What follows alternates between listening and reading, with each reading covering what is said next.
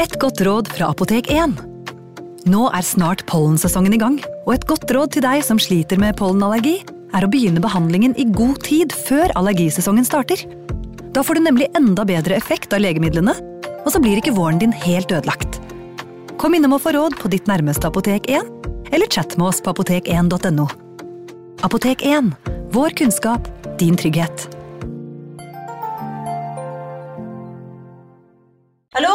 Jeg kommer fra Oslo politikammer. Ine Jansen er purk. Er du purk? The motherfucking bitch. Alt jeg vil, er å finne ut hva som skjedde med mannen min. Jon Carew. Er jeg sikta for noe? Iben Akeli. Det er du. Ole So, Lars Berrum og Big Daddy Karsten. Hvem sin side er du på, egentlig? Anette Hoff, Tone Danielsen, Kommer du fra Afrika? Jørnis Josef, Nesten kløfta. Trond Espen Seim, Det er synd å si det, men det var feil mann som døde. Purk. Premiere tirsdag på TV2 Play. Hei! Takk for at du lytter til True Crime Podden dokumentar. Skulle du ønske at du kunne høre en ny episode av denne podkasten hver eneste uke? Vel, da er det bare å laste ned podkastappen Untold med en gang. I tillegg til ukentlige episoder av podkaster som Skrekkpodden, Synderne og True Crime Podden, får du masse annet reklamefritt og eksklusivt innhold. Last ned Untold i AppStore eller Google Play, og start din 30 dagers prøveperiode i dag. you.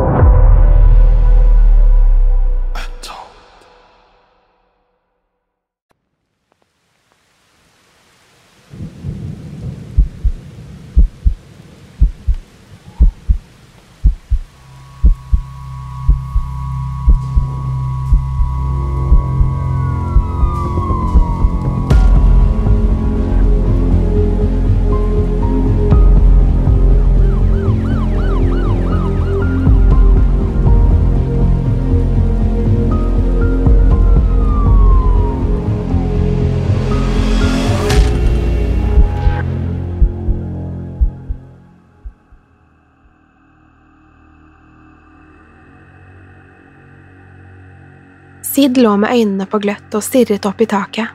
Sprinklene på vinduet kastet vertikale skygger over ansiktet hans og gjorde rommet dunkelt.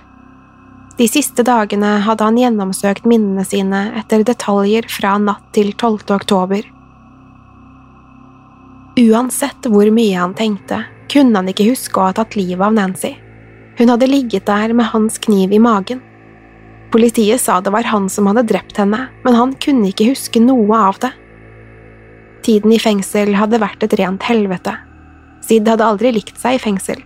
Han var offer for konstant tortur fra de andre innsatte og hadde blitt fysisk og seksuelt misbrukt. I tillegg hadde han ikke skutt heroin på lenge. Kroppen hans verket etter stoffet, og abstinensene holdt på å ta livet av ham. Plutselig banket det på døren til cellen, og Sid satte seg opp i sengen. Så snart døren gikk opp, kunne han se en fengselsbetjent samt bestyreren. Livredd for at han skulle ut i luftegården igjen, krøp Sid lenger opp i sengen. Bestyreren kom inn og ba ham kle på seg. Til Sids store overraskelse fortalte bestyreren at noen hadde betalt kausjonen hans. Han var fremdeles siktet for drapet på Nancy, men nå var han fri til å gjøre som han ville frem til rettssaken. Det var bare én ting som sto i Sids hode. Han trengte heroin, og han visste nøyaktig hvem han skulle spørre. Noen han ikke hadde sett på lenge. Den som hadde kommet for å hente ham, var nemlig moren hans, Anne. Om ikke hun visste hvor man fikk tak i rus, så var det ingen som gjorde det.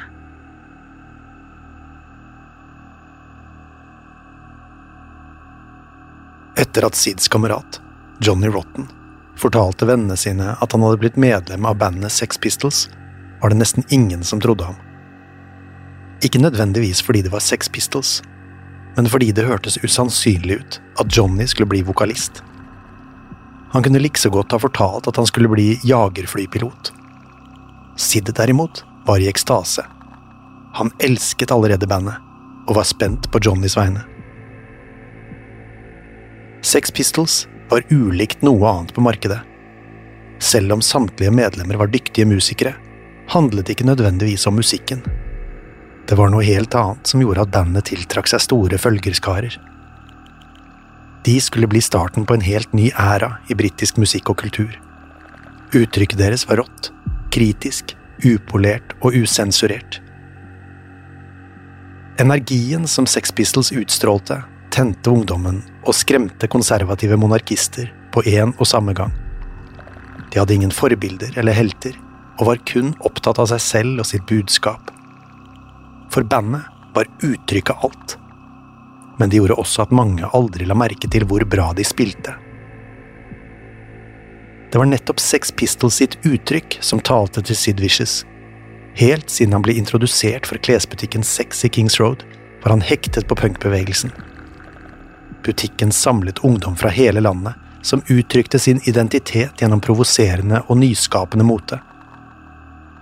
Samtidig var det én ting Sid ønsket seg mer enn noe annet, og det var å få spille i sitt eget band. Han var ikke spesielt musikalsk og kunne ingen instrumenter, men det spilte heller ingen rolle. For ham var selvtillit og evnen til å slå seg løs alt som telte. Det hadde han til gjengjeld masser av. Sid skulle få muligheten sin i 1976, da han ble bedt om å spille trommer med bandet Susie and the Banshees etter at han kastet et ølglass mot scenen under konserten til et annet band, var det rett i fengsel. Da han først kom ut igjen, startet han et nytt band sammen med Viv Albertin, Keith Levine og Paloma McLardy. De kalte seg Flowers of Romance og skulle kun holde på i noen få måneder. I januar 1977 var Sid på en Sex Pistols-konsert i London sammen med Viv. Sid var på alle bandets konserter og var alltid den som skapte mest liv. Denne kvelden sto han bakerst i lokalet. Plutselig hadde han snudd seg til Viv og sagt at det ikke var noe vits i å spille i band. Ingen kom noen gang til å bli like gode som Sex Pistols likevel. Det var ingenting noen kunne si eller gjøre for å toppe det de gjorde. Skjebnen skulle lytte til Sid den kvelden, for kun noen uker senere kom beskjeden om at Sex Pistols-bassist Glenn Matlock hadde blitt kastet ut av bandet. Sid kunne ikke tro det var sant, og var redd for at dette var slutten for Sex Pistols. Så, i februar 1977, kom forespørselen fra Johnny om Sid ville bli ny bassist. Selv om Sid ikke kunne spille bass, mente Johnny at han hadde den riktige holdningen. Om Johnny var punkens stemme, var Sid punkens uttrykk. Han var en misforstått, ensom og sviktet gutt fra Sørøst-London med ingenting å tape og alt å bevise. De andre medlemmene i bandet, Steve Jones og Paul Cook, var ikke like overbeviste. For dem var Sid kun en villstyring som ikke engang kunne spille bass. I tillegg visste de godt at han slet med alvorlige rusproblemer. På mange måter slo Sid dem mer som en frontfigur enn en bassist. Johnny visste godt at Sid slet. Når sant skulle sies, var det verken Sids uttrykk eller musikalitet Johnny ønsket deg. Mest av alt trengte han en alliert i bandet. Jones og Cook hadde kjent hverandre lenge og hadde en tendens til å overkjøre alle Johnnys ideer. Med Sid i bandet ville Johnny ha en støttespiller som alltid var enig med ham. Til slutt skulle Johnny få det som han ville. Bennets manager Malcolm McLaren visste godt at Sid var et kjent fjes i punkmiljøet. Det hjalp også at han var ekstremt populær blant jentene. Han var høy og slank, med kullsvart piggsveis og en likegyldig personlighet. Om noen kunne trekke nye beundrere til bandet, så var det Sid. Med det var Sid blitt en sexpistol. Han la seg i hardtrening og øvde fra morgen til kveld for å bli bedre på bass. Det var en treg prosess. Først og fremst fordi øvelsene ble avbrutt av fester og et umettelig behov for narkotika. Sitt lyttet til de nyeste utgivelsene til det amerikanske punkbandet Ramones, og prøvde å etterligne bassen. Han spilte til fingrene blødde, og etter hvert ga det avkastning. Likevel handlet ikke om virtuositet for Sid. Han innrømmet aldri selv, men alt han egentlig ville, var å bli en stjerne. Likevel handlet det ikke om virtuositet for Sid. Han innrømmet det aldri selv, men alt han egentlig ville, var å bli en stjerne. På den måten ville han få all den oppmerksomheten han hadde ønsket seg hele livet. Det skulle ikke ta lang tid før verden fikk øynene opp for Sid Vicious. En av dem som la merke til ham, var en vakker, blond kvinne fra USA som nylig hadde landet i London. Nancy Spungen var alt det Sid savnet i britiske jenter. Hun utstrålte selvtillit og stil tross sin unge alder. Sid ble betatt med det samme, og det tok ikke lang tid før de fant tonen. Nancy hadde kommet til England noen uker tidligere, fra New York. Hun vokste opp i Philadelphia og hadde alltid vært en ustyrlig jente. Som barn var hun vill, og kunne til og med bli voldelig. Etter å ha blitt diagnostisert med schizofreni som 15-åring, var det som hun ga opp alt håp om et normalt liv. Hun gjorde akkurat som hun selv ville, og ingen kunne kontrollere henne. Til tross for at hun hadde gjort det bra på grunnskolen, ble hun utvist fra videregående skole for narkotikamisbruk og dårlig oppførsel. Etter det reiste hun til New York og kuttet all kontakt med familien sin. De hadde gjort alt de kunne for å få Nancy på rett spor, men nå var hun blitt borte for dem. I New York livnærte hun seg av prostitusjon en periode. I tillegg ble hun veldig opptatt av musikk. Spesielt identifiserte hun seg med den nye punkbevegelsen. På lik linje med Sid fant hun frihet i miljøet og stilen. Da hun innså at hun kunne bruke sex til å egle seg innpå musikere, tok hun sjansen. Nancy var usedvanlig vakker, og hadde ikke noe problem med å bli lagt merke til av de store stjernene. Snart var hun blitt en groupie for flere av de største rock- og punkbandene i New York. Hun hengte seg på band som Aerosmith, The New York Dolls og Ramones, og ble med dem overalt. Det tok ikke lang tid før hun hørte om det nye store punkbandet fra England, Sex Pistols. Så da et av bandene hun fulgte skulle på turné i Storbritannia, ble hun med. Nancy var allerede trøbbel da hun kom til London, men sammen med Sid var hun en katastrofe. Hun hadde ikke kun med seg selv over fra New York. I kofferten hadde hun også et rusmiddel som Sid aldri hadde vært borti tidligere, nemlig heroin. Sid var allerede avhengig av sterke stoffer, men heroin ble en helt ny opplevelse for ham. Nancy introduserte ham for stoffet, og det tok ikke lang tid før han ble hektet. Foruten Sid var det få som likte Nancy noe særlig. Hun var høylytt, ufin og brautende. I tillegg hadde hun en dårlig innflytelse på Sid. Han hadde aldri kunnet si nei til noe som helst, men med Nancy tok han det til et helt nytt nivå. Hun var med ham overalt, enten det var på øvelser, intervjuer eller fester. Hvor enn Sid gikk, fulgte Nancy etter. Om noen kommenterte hvor innpåsliten eller irriterende Nancy var, ble hun rasende. Hun påstod at hun var den eneste som virkelig brydde seg om Sid, og han trodde henne. Nancy sa ofte at Sid ville vært død for lenge siden, om det ikke var for henne. Til tross for at de kun hadde kjent hverandre i noen uker, var hun blitt den viktigste personen i livet hans. Det skapte splid innad i bandet, og Nancy så ut til å elske det. Imens gjorde Sex Pistols det de kunne for å vokse. Det de ønsket seg aller mest, var å spille inn et album. De hadde en rekke singler, men følte at de ikke var et skikkelig band uten et album. Dermed begynte arbeidet med det som skulle bli Sex Pistols første og eneste album. De fleste av låtene var allerede skrevet mellom 1975 og 1976, da Glenn Matlock fremdeles var bassist. Bandet var klare for å gå i studio og produsere albumet sitt. Utfordringen var å finne et plateselskap som ville finansiere og gi ut platen. Sex Pistols hadde allerede blitt droppet av ett plateselskap fordi de var for kontroversielle. Nå slet de med å finne noen som var villig til å representere dem. Plateselskap etter plateselskap nektet å jobbe med bandet fordi de hadde et dårlig rykte på seg. Ingen ville assosieres med lovløse og radikale punkere som Sex Pistols. En stund kunne det se ut som det aldri skulle bli noe av bandets debutalbum. Likevel klarte de å skrape sammen nok penger til å begynne innspillinger i mars 1977. Like før innspillingene skulle starte, møtte bandet på en ny utfordring. Plutselig kom beskjeden om at Sid var blitt innlagt på sykehus. Johnny hastet dit for å se til kameraten, og fikk høre at Sid hadde fått hepatitt. Det tok ikke lang tid før han forsto at Sid måtte ha fått det fra alt narkotikamisbruket Johnny forbannet Nancy og klandret henne for å stå bak sykdommen. Likevel var det lite resten av bandet kunne gjøre for å få Sid på bena. Pengene var allerede betalt til studioet. De var nødt til å begynne å arbeide, med eller uten Sid. Det ble snart klart at Sid var altfor syk til å jobbe. Dermed ble det opp til bandet å finne en vikar. Johnny likte ikke tanken på å gjøre det uten Sid, men Steve Jones og Paul Cook var uenige. Sid var fremdeles ikke god nok på bass til å spille inn et helt album, så de mente at det var et hell i uhellet. Til slutt fant de ut at Jones kunne spille bass, like bra som han spilte gitar. Dermed ble det hans oppgave å spille inn låtene.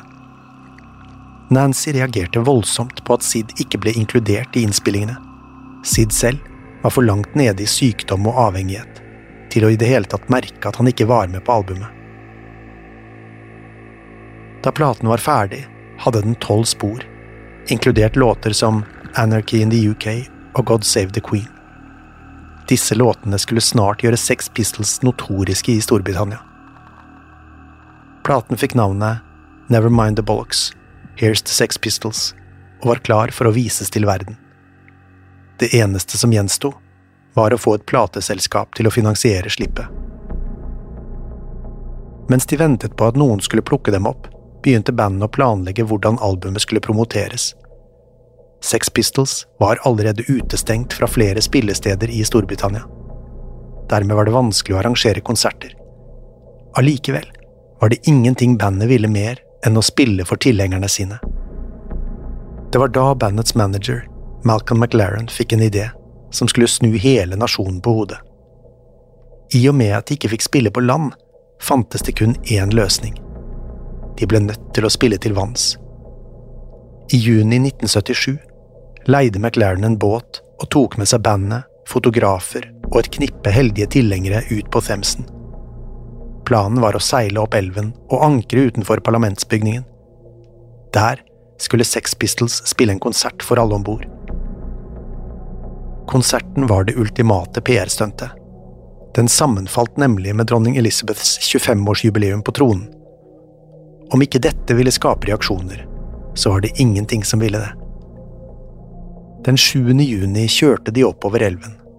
Så snart Sex Pistols begynte å spille utenfor parlamentet, dukket flere politibåter opp. De sirklet rundt båten og beordret dem å legge til kai.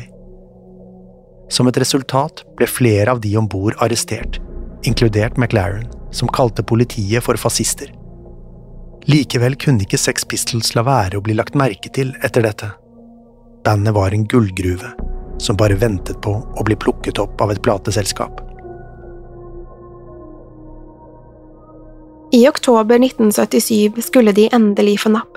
Etter avslag fra en rekke plateselskaper klarte de å få en avtale med Virgin Records i Storbritannia. Albumet ble sluppet 28. oktober, og reaksjonene lot ikke vente på seg. Avisene skrev side opp og side ned om hvor ufyselig og vulgært albumet var. Konservative briter var sjokkert over språket og budskapet i tekstene, og ville bannlyse både bandet og albumet. Over hele Storbritannia ble ungdom advart mot å høre på låtene til Sex Pistols. Flere mente det kunne lede til opptøyer og kriminalitet. Måten bandet omtalte dronning Elisabeth og monarkiet, førte til at mange stemplet dem som landssvikere. Spesielt reagerte mange på innholdet i tekstene. Dette var ulikt noe som hadde blitt gitt ut tidligere, og Sex Pistols tok opp temaer som mange ikke var komfortable med. Det var spesielt to låter som fikk mye oppmerksomhet. Anarchy in the UK og God Save the Queen ble beskyldt for å være upatriotiske og opprørske. Sex Pistols sammenlignet dronning Elisabeth med en fascist og rakket ned på monarkiet. I tillegg sang de om tabubelagte temaer som abort og krig. I virkeligheten var tekstene ment å frembringe refleksjon, men alt motstanderne hørte var upassende språk og vulgaritet. Reaksjonene var så voldsomme at musikkbransjen ble nødt til å ta grep. Flere spillesteder måtte avlyse Sex Pistols-konserter fordi de var redde for at det skulle komme til voldsomme sammenstøt. Mange av landets platebutikker nektet å selge albumet fordi det var for upassende. De få som hadde det innenfor salg, sto i fare for å få butikkene sine ramponert eller bli saksøkt av motstandere av albumet. I ett tilfelle ble eieren av en platebutikk i Nottingham arrestert etter at han stilte ut albumet i vinduet. Politiet hadde bedt ham dekke over ordet bollocks på albumcoveret, som er et britisk slangord for testikler. Da han ikke gjorde det, stormet de butikken og arresterte ham. Da mannens forsvarer poengterte at ordet stammet fra gammelengelsk og var en del av språkarven, ble saken henlagt. Til tross for disse ekstreme reaksjonene fra myndighetene og befolkningen, gikk albumet til topps på salgslistene i Storbritannia. Selv i konservative USA tok platen av, og i Norge nådde den en ellevteplass på VG-lista. Nå som Nevermind the Bollocks var ute, ville bandet spille for tilhengerne sine. Problemet var bare at ingen ville slippe dem inn på spillestedene. Fansen skrek etter å se Sex Pistols på scenen, men motstanden var for sterk. Dermed var det duket for turné utenfor Storbritannia. Det var ikke kun et ønske om å promotere bandet som gjorde at manager Malcolm McLaren sendte dem ut på turné. Det var også et forsøk på å hjelpe Sid. Etter at han hadde vært innlagt på sykehus med hepatitt, hadde alt bare blitt verre. Han var mer rusavhengig enn noen gang, og kjæresten hans, Nancy, var mer enn villig til å supplere. McLaren var sikker på at Sid ruset seg mer fordi han kjedet seg. Derfor arrangerte han konserter i utlandet. Der gjorde McLaren en stor tabbe. Han sendte nemlig bandet til Nederland, hvor det var mye lettere for Sid å skaffe narkotika enn hjemme i England. For å sørge for at han holdt seg edru nok til å spille, måtte noen passe på ham til enhver tid. Han fikk ikke engang gå på toalettet alene da McLaren var redd han skulle ta en overdose. Til tross for at han ble passet på konstant, klarte Sid å skaffe det meste han hadde lyst på. McLaren og bandet visste nøyaktig hvem de skulle skylde på. Nancy var alltid sammen med Sid, og nektet ham aldri noen ting. Det virket heller ikke som det var mulig å bli kvitt henne. Uansett hva de sa og gjorde, hadde Nancy alltid en grunn til å bli. Etter konserten i Nederland reiste Sex Pistols hjem til England, hvor McLaren endelig hadde klart å skaffe bandet et par spillejobber. Som vanlig ble Nancy med. En kveld, etter en konsert i London, hadde alle fått nok av Nancy og hvordan hun forgiftet Sid og splittet bandet. Dermed fant McLaren på en plan for å bli kvitt henne for godt. Den natten, mens Sid og Nancy sov, snek McLaren seg inn på hotellrommet sammen med to andre menn de dro henne ut av sengen og banket henne opp, før de bar henne med seg ut. Sid var for ruset til å forstå hva som foregikk, og kunne ikke gjøre noe med det. Nancy sparket og slo, men mennene fikk henne med seg ut på gaten. Der ble hun kastet inn i bagasjerommet på en bil. En av mennene satte seg i førersetet og begynte å kjøre i retning flyplassen. Planen var å sette Nancy på det første flyet tilbake til New York og håpe at hun aldri kom tilbake. Allerede før de var ute av byen, slo planen feil. Nancy klarte på en eller annen måte å sparke opp bagasjeluken. Hun kastet seg ut av bilen i fart og rullet over på fortauet. Akkurat da kom en politibetjent forbi og fikk med seg alt oppstyret. Nancy skrek av full hals at hun var blitt bortført av Sex Pistols, men det var for sent. Bilen hadde kjørt av gårde i full fart, og McLaren og de andre ble aldri mistenkt for å stå bak kidnappingen. Dermed var forsøket forgjeves, og Nancy fortsatte å påvirke Sid. Innen nyttår var hele prosjektet i ferd med å rakne. Ingen av medlemmene likte hverandre lenger, og de følte seg tvunget til å spille sammen. Mest av alt var de lei av Sid, som ikke klarte å holde seg edru nok til å spille. De ble som regel nødt til å avlyse konsertene fordi Sid ikke kunne stå oppreist. Til tross for det hadde Nevermind the Bollocks blitt en internasjonal suksess. Turneer var planlagt over hele verden, så de hadde ikke noe annet valg enn å stå i det. I januar 1978 reiste Sex Pistols til USA for å spille for amerikanske fans. Det tok ikke lang tid før det utviklet seg til en katastrofe. Ingen av medlemmene var motivert nok til å spille en god konsert, og Sid var for neddopet til å klare noe som helst. Det førte til at flere av konsertene ble kaotiske og direkte voldelige. Amerikanske tilskuere visste ikke hvordan de skulle oppføre seg på Sex Pistols sine konserter. Alt de hadde sett, var kaoset bandet skapte hjemme i England. Folk kastet flasker på scenen og spyttet på bandet, helt til Sid og de andre ikke taklet det lenger. Under en konsert hadde en tilskuer begynt å kaste ølbokser på Sid, helt uprovosert. Da det hadde foregått i nærmere 15 minutter, fikk Sid nok. Han løftet av seg bassgitaren og svingte den som en slegge mot mannen. Han dukket, men en fotograf som sto bak ham, ble truffet i ansiktet. Det var tydelig at Sex Pistols var på randen av oppløsning. De var fremdeles nødt til å avlyse flere konserter på grunn av Sid. Det hendte ofte at han forsvant i løpet av natten og dukket opp igjen dagen etter, desorientert og beruset.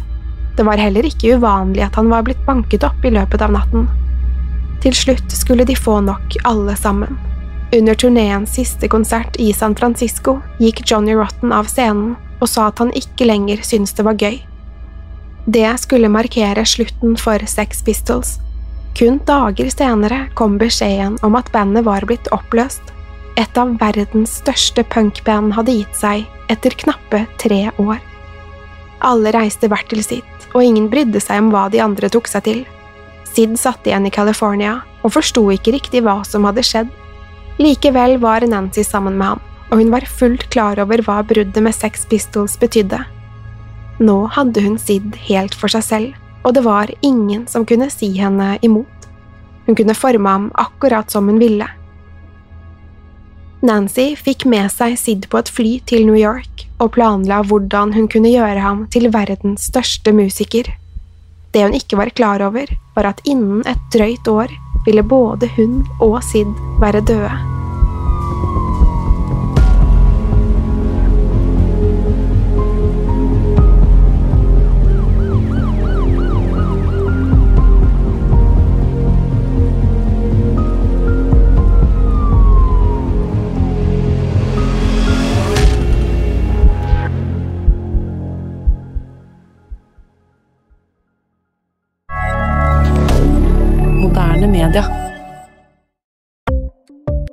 Ukens annonsør er Folio, en smartere banktjeneste for deg som har en egen bedrift eller ønsker å starte for deg selv. Folio er en superenkel nettbank for bedrifter. Som kunde i Folio får du en bedriftskonto med et bedriftskort og app. I denne appen er det smarte løsninger som forenkler regnskapet ditt, uansett om du har en liten bedrift eller et enkeltpersonsforetak. Folio er både intuitivt og brukervennlig, og er laget med et enkelt språk. I tillegg tilbyr de forutsigbare priser og ingen skjulte gebyrer. Skulle du likevel trenge det, så kan du snakke med deres raske og hyggelige kundeservice, og der får du prate med en faktisk person og ikke en chatbot. Folio er med andre ord både enklere og koseligere enn banken. Over 10 000 bedrifter har allerede valgt Folio som sin banktjeneste, så besøk folio.no og se hvordan Folio kan forenkle din hverdag også. Har du et enkeltpersonforetak eller en liten bedrift? Da er du sikkert lei av å høre meg snakke om hvor enkelt det er med kvitteringer og bilag i fiken, så vi eh, gir oss her, vi. Fordi vi liker enkelt. Fiken superenkelt regnskap. Kiwi er billigst i VGs matbørs og har vært billigst i fire av de fem siste VGs matbørser. Og nå presser vi prisene på frukt og grønnsaker. På 200 gram broccolini setter vi prisen til 24,90. På 400 gram Cevita blåbær setter vi prisen til 49,90. Og husk, alle Kiwi Pluss-kunder får i tillegg 15% trumfbonus på all fersk frukt og grønt. For det er vi som er prispresserne. Og vi i Kiwi gir oss aldri på pris.